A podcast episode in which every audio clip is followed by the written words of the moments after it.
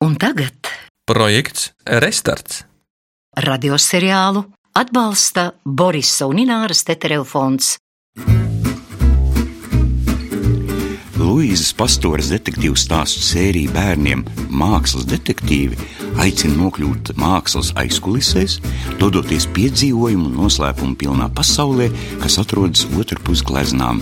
Vai mākslas darbi patiešām var atdzīvoties? Un kā būtu, ja varētu iekāpt gleznās un piedzīvot tajās uzgleznotos stāstus? Vai mākslas pasaulē viss ir iespējams? Vai mākslas muzejā varētu norisināties lielākā pakaļdzīšanās mākslas pasaules vēsturē?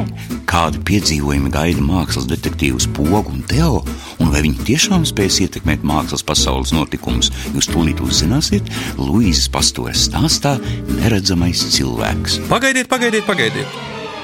Tā kā šajā stāsta sērijā detektīvi atklās neredzamā cilvēka noslēpumu, kopā ar stāsta varoņiem būsim arī mēs. Es, režisors Juris Jonelis, skaņu režisors Girts Bišs un Edmunds Freibergs, kurš pavisam nemanāmi pieskatīs jaunos detektīvus viņu piedzīvojumos pasaulē otrpus gleznām. Vispirms man ir jāizstāsta, kas notika iepriekšējā sērijā. Viss sākās ar to, ka mākslas karnevāla dalībnieki ķircinājās par jaunekli, ko visi sauca Čārlis. Vien kāda meitene bija laipna pret viņu un aizvīla Čārli prom. Detektīvi atcerējās, ka jāatrod komats, taču daudz gudrot viņiem neatlika laika, jo atskanēja palīgā saucieni, un gaitenī parādījās pārbijusies meitene un melnu spīdīgu zābaku pāris, kas paši no sevis pastaigājās. Meitene metās bēgt, bet neredzamais cilvēks viņai sekoja. Komats, uzsākot pakaļdzīšanos, sāka runāt cilvēka balsī. Komats bēniņos atrada durvis, aiz kurām bija paslēpusies bēgošā meitene. Detektīvi uzzināja, ka Čārlis ir Kārlis Padegs, gleznotājs, kura mākslas darba pasaulē viņi bija nonākuši, jo bija 1931. gads. Ceturtā sērija un beidzamā šajā stāstā. 1931. gads. Es rēķināju. Mākslas muzejā mēs ar pogu izlasījām, ka zābaki un suns tapa 1935. gadā. Ja slavenais Kārlis Padegs, jeb kā čiepa viņu dēvēja, Čārlis bez pēdām pazudīs tagad, tad gaisā izkūpēs visi viņa vēl neuzgleznotie darbi, un ar visu vēl netapušo zīmējumu izgaisīsim arī mēs. Tas sāk kļūt par dzīvības un nāves jautājumu. Padegs bija jāatrod. Tev kaut kas nelabi ož. Mums iztrūcināja komata rējieni, kas atskanēja kaut kur no tālāka kakla. Stūrī apgāzās milzu skulptūra. Atvainojiet, Komats sāka neprātīgi riet, atskanēja būkšķi, gleznu kaudz kā domino kauliņu rindas sagāzās, un komats kā bulta izšāvās no stūra, apstulbs trīsēja un stūrēja apaļo miesu te uz vienu, te otru pusi. Mēs ar pūgu sastingām kaujas gatavībā, bet čiepa iespieda seju plaukstās un atteicās skatīties. Komats pieplacis pie zemes, un teju vai pārakmeņojies piesardzīgi ošņājās gleznu virzienā un rūca. Aiz kādas gleznas piepieši parādījās nodevīgi spīdīgi zābaku purngali. Komats piedraudēja un metās uzbrukumā. sakrausīšu. Spīdīgie zābaki satrūkās un strauji metās glābties gleznu un molbertu labirintos. Poga, tu pa labi, es pa kreisi, komat, gaidi! Gribu, gribu. Komats žēl nosmilkstēja, tomēr apstājās un palika savā pozīcijā kopā ar čiepu. Mēs ar pogu metāmies katrs savā virzienā, lai aplanktu neredzamo cilvēku. Spīdīgie zābaki lavierēja starp molbertiem, paslēpās aiz gleznām, ložņāja starp galdiem, te pazuda, bet te atkal parādījās. Valdīja neticams juceklis, gleznas gāzās un krita un lidoja katru uz savu pusi. Aiz molbertiem valdīja pustums, kaut ko saskatīt bija ļoti grūti, un vēl jo grūtāk ieraudzīt neredzamo cilvēku. Tas bija kā tvarstīt kaut ko tikpat nenotveramu kā vējš. Viņš ir šeit! Redzu, Viņš ir otrā galā! neredzu! Te piepieša laime bija mūsu pusē. Es uzskrēju spīdīgajiem zābakiem tieši virsū, burtiski uzminu spicajiem purngaliem, un neredzamais cilvēks sāpēs sāka lēkāt. Otrā pusē ceļa aizķērsoja poga. Viens, divi!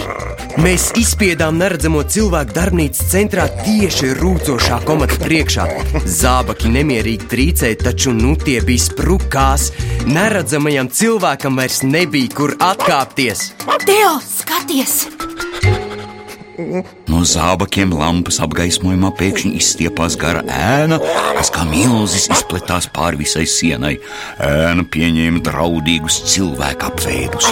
No zābakiem izauga bezgalīgi garas ēnu kājas, tievs rumpītis un milzu galva lielā platmalē. Es samulsu. Neredzamais cilvēks vēl joprojām bija caurspīdīgs kā gaiss. Vienīgais, kas šeit varēja mest ēnu, bija spīdīgie zābaki. Kur tas redzēts, ka gaiss mestu ēnu? Neredzamām lietām, gaisam, vējam vai spokiem taču nav ēnas. Zābaki sastinga. Satrauktā ēna trīcēja kā apšu lapa, uzmetusi apaļu kūkumu kā jautājumu zīmi. Tā atspiedās kaktā un nervozi aizsmēķēja, dūmu tercītai iestiepjoties augstu griestos. Gaisā uzveidīja tabaks un dārga pūderu smarža. Tas man kaut ko atsauc atmiņā. Man ir ideja! Kāda? Paķer krāsas! Tālāk viss noritēja strauji. Es pastiepos pēc ūdens trauka, kurā mirka otrs, bet otrā rokā paķēru pirmo krāsu buļbuļsu, kas bija pie rokai. Poga sekoja manam piemēram un satvēra divas krāsu buļbuļsas, un tad viens, divi, visus trauku saturu mēs uzgāzām zābakiem. Ūdens un krāsas neizlīja uz grīdas, tās atsitās pret neredzamā cilvēku miesu, un tur, kur vēl tikko bija redzams tikai tukšs gaiss, tagad mūsu acu priekšā parādījās cilvēka kontūras. Krāsa lija pāri platmalei uz pleciem, pāri uzvalkam līdz pašiem zābakiem, bet ūdens atmaskoja seju, un mūsu priekšā atklājās slapjš un krāsu notešķīts Kārlis Padegs. Izmircis kā suns un briesmīgi nelaimīgs sarkanai krāsai, bagātīgi līstot pāri smalkiem uzvalkam, ūdens tercītēm pilot pāri balti pūderētajai sejai, slapi cigareti rokās, atmaskotais Čārlis savilka skābi ģīmi un rūkti novilka. Nu, un kāpēc tā bija jādara? Mans uzvalks tagad ir pagalam. Sarāvies maziņš un melns. Taisnības labad jāsaka, ka viņš patiesībā gan bija sarkans no galvas līdz kājām. Čārlis pūlējās glābt, kas vēl glābjams. Ar sniegbaltu mutautiņu mēģināja notraust krāsas pleķis no smalkā uzvalka un no kabatas izvilcis pūdarnīcu, centās piepūderēt seju krīta bālumā. Ak, vai padega kungs! Labdien! Poga pakniksēja savu firmīgo sveicienu. Mēs tā negribējām, mēs nezinājām, mēs jau nesapratām. Es gan uzreiz visu sapratu. Īstiem spokiem taču nav ēnas, tad te ir darīšana ar kādu triku. Viņš pats nomaskējās neredzams. Nu jā, un kas par to? Varbūt es gribu būt neredzams. Padeks tūlīt nepatikā noskurinājās un bezpalīdzīgi novērtēja sabojāto uzvalku. Čārli, kāpēc? Tu to pats? Kas tev tie par trikiem prātā? Čiepa metās draugam ap kaklu, tomēr pēdējā brīdī atturējās, ņemot vērā, ka viņa no vienas vietas klāja krāsa. Nekādi triki. Es tikai uzliku savu karnevāla masku. Tas taču bija tieši tas, ko visi vēlējās. Jūs taču gribējāt, lai es nomaskējos. Visi pieprasīja, lai esmu jautrāks. Saka, Čārli, atkal tu savā nopietnējā maskā uzzīmēsim kādu jautrāku ģīmi. Ir taču karnevāls. Cik garlaicīgi. Bet, ja nu reiz vajag, tad es, es arī varu. Viss, es turpmāk būšu neredzams. Neredzams! Tādu masu taču neviens no manis nebija gaidījis. Neviens pat neiedomāsies, ka Rīgas slavenākais dendijs patiesībā grib būt neredzams. Apnicis jau arī vienmēr būt visu uzmanības centrā. Padegs to, padegs šito. Lai viņiem visiem no brīnumiem mutes paliek vaļā. Palika jau arī. Ha, ha, palika! Kā jums liekas, vai būvārprese arī par to kādu ziņu uzrakstīs? Mēs pirmo reizi ieraudzījām padegu smaidām. Viņa acīs iemirdzējās sīka, viltīga uguntiņa. Ak, Čārli, spoks tāds! Tu jau nemaz negribi būt neredzams. Tu taču izgudrosi visu, ko lai tikai pievērst savu uzmanību. Kaut vai kļūsi neredzams. Tas nu gan ir joks. Čiepa notraus pēdējās smieklās Un saras. es jau domāju, ka ir noticis kas nopietns. Vai redzi, par ko es runāju? Visi grib tikai jautrības. Es taču nekā nesaku, ka citi zīmē skaistas puķītes, rozā mākonīšas, lai taču zīmē, bet kāpēc man neļauj darīt tā, kā es gribu? Es gribu, lai ir bēdīgi. Kas gan tur slikts? Skumt, kad gribas skumt. Nevar visu laiku tikai priecāties. No stipras būšanas priecīgam, bēdīgs var palikt. Kādam stāstam vajag arī bēdīgas beigas. Kāpēc lai tas nebūtu mans stāsts? Kļūšu neredzams, un viss man aizmirsīs. Čārlis apņēmīgi noteica, un mūsu acu priekšā sāk pamazām izplēnēt. Sarkanā krāsa izbālē, ķermeņa kontūrs izdzis un viņš teju, teju pagaisa. Bet mūsu detektīvs stāstam nedara bēdīgas beigas. Čārlī, nerunā muļķības. Neviens tevi nekad neaizmirsīs.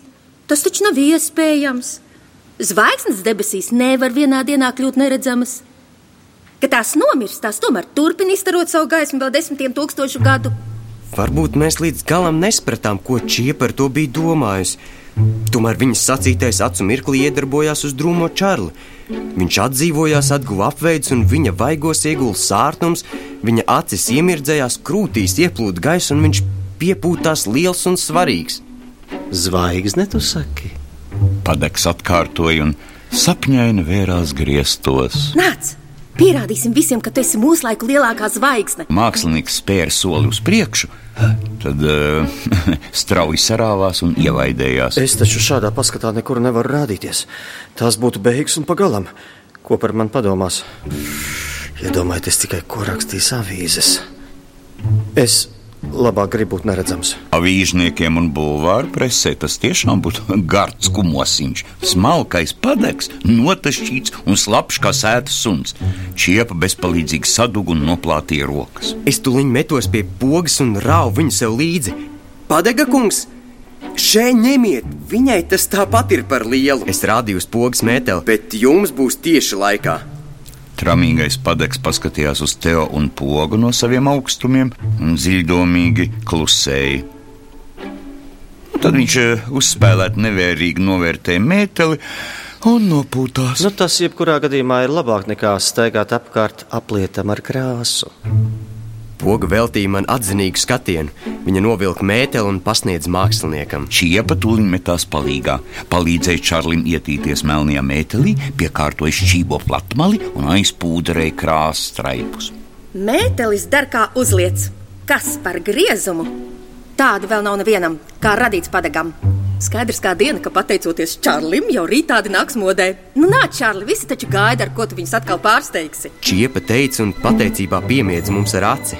Pasniedz māksliniekam roku un kā putniņš steigšu spurdza ārā no telpas. Melnā plandošā mēteļa spārni bija pēdējais, ko mēs no švītīgā mākslinieka redzējām. Sagraust! Komats ievilka asti kā aizstarpē un vīlies noskatījās, kā spīdīgie zābaki izgaist mākslas akadēmijas gaitiņu tumsā. Es taču teicu, mūsu detektīvs stāstam vajag labas beigas. Es atvieglot nopūtos. Mēs bijām glābti!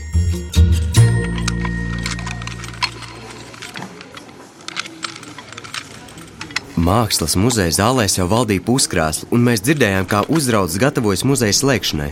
Šķindēja atslēgas, nodisa gaismas un atskanēja smiekli. Arī mēs bijām gatavi atgriezties mājās.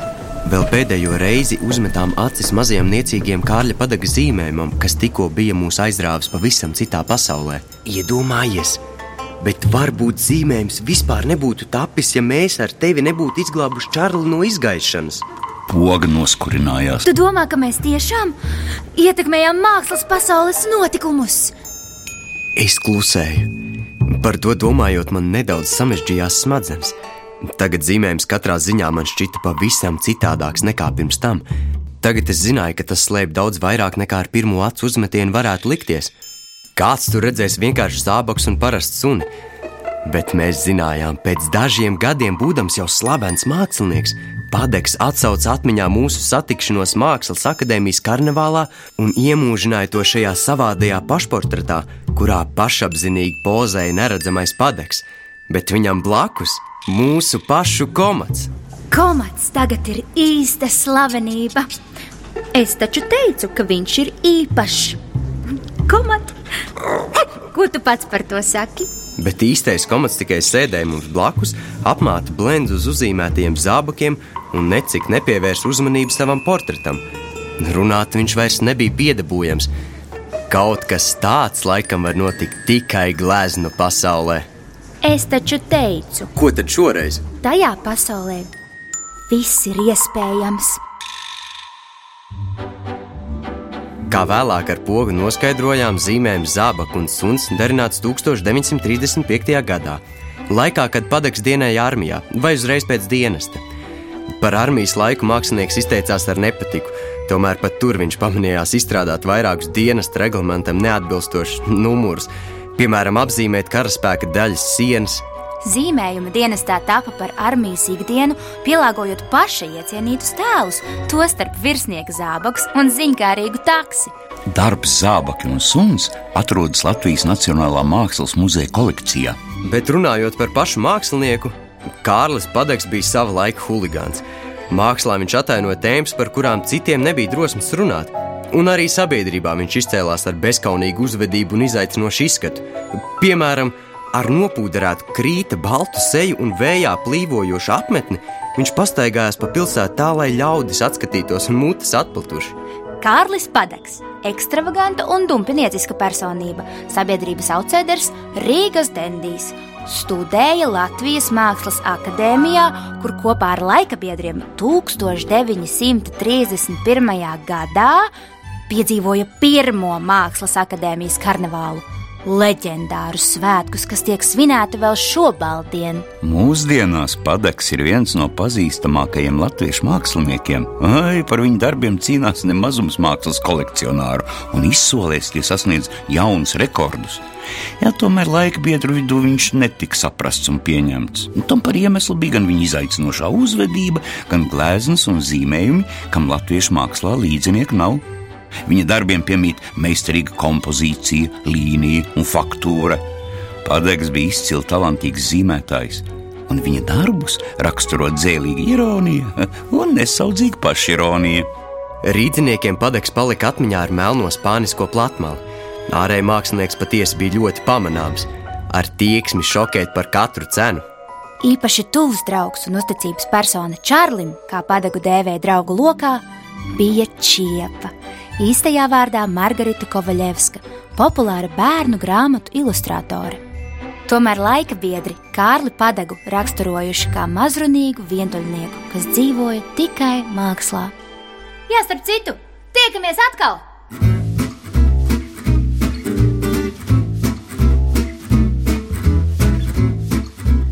Jūs dzirdējāt Luīzes Pastores sērijas mākslas detektīvu stāstu Neredzamais cilvēks. Šodien izskanēja ceturtā sērija un beidzamā šajā stāstā. Pogas un Teo lomās iejutās Anna Putniņa un Emīls Krūmiņš.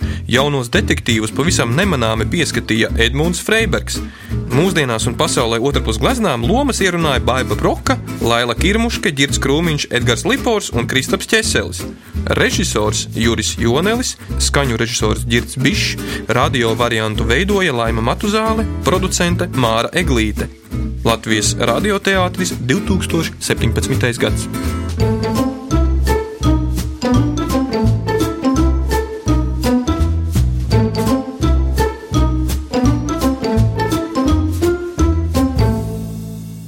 Turpinājums sekos. Projekta Restarts ietvaros tapušo radioseriālu atbalsta Borisa un Ināras Tetereva fonds Teātris iedvesmo.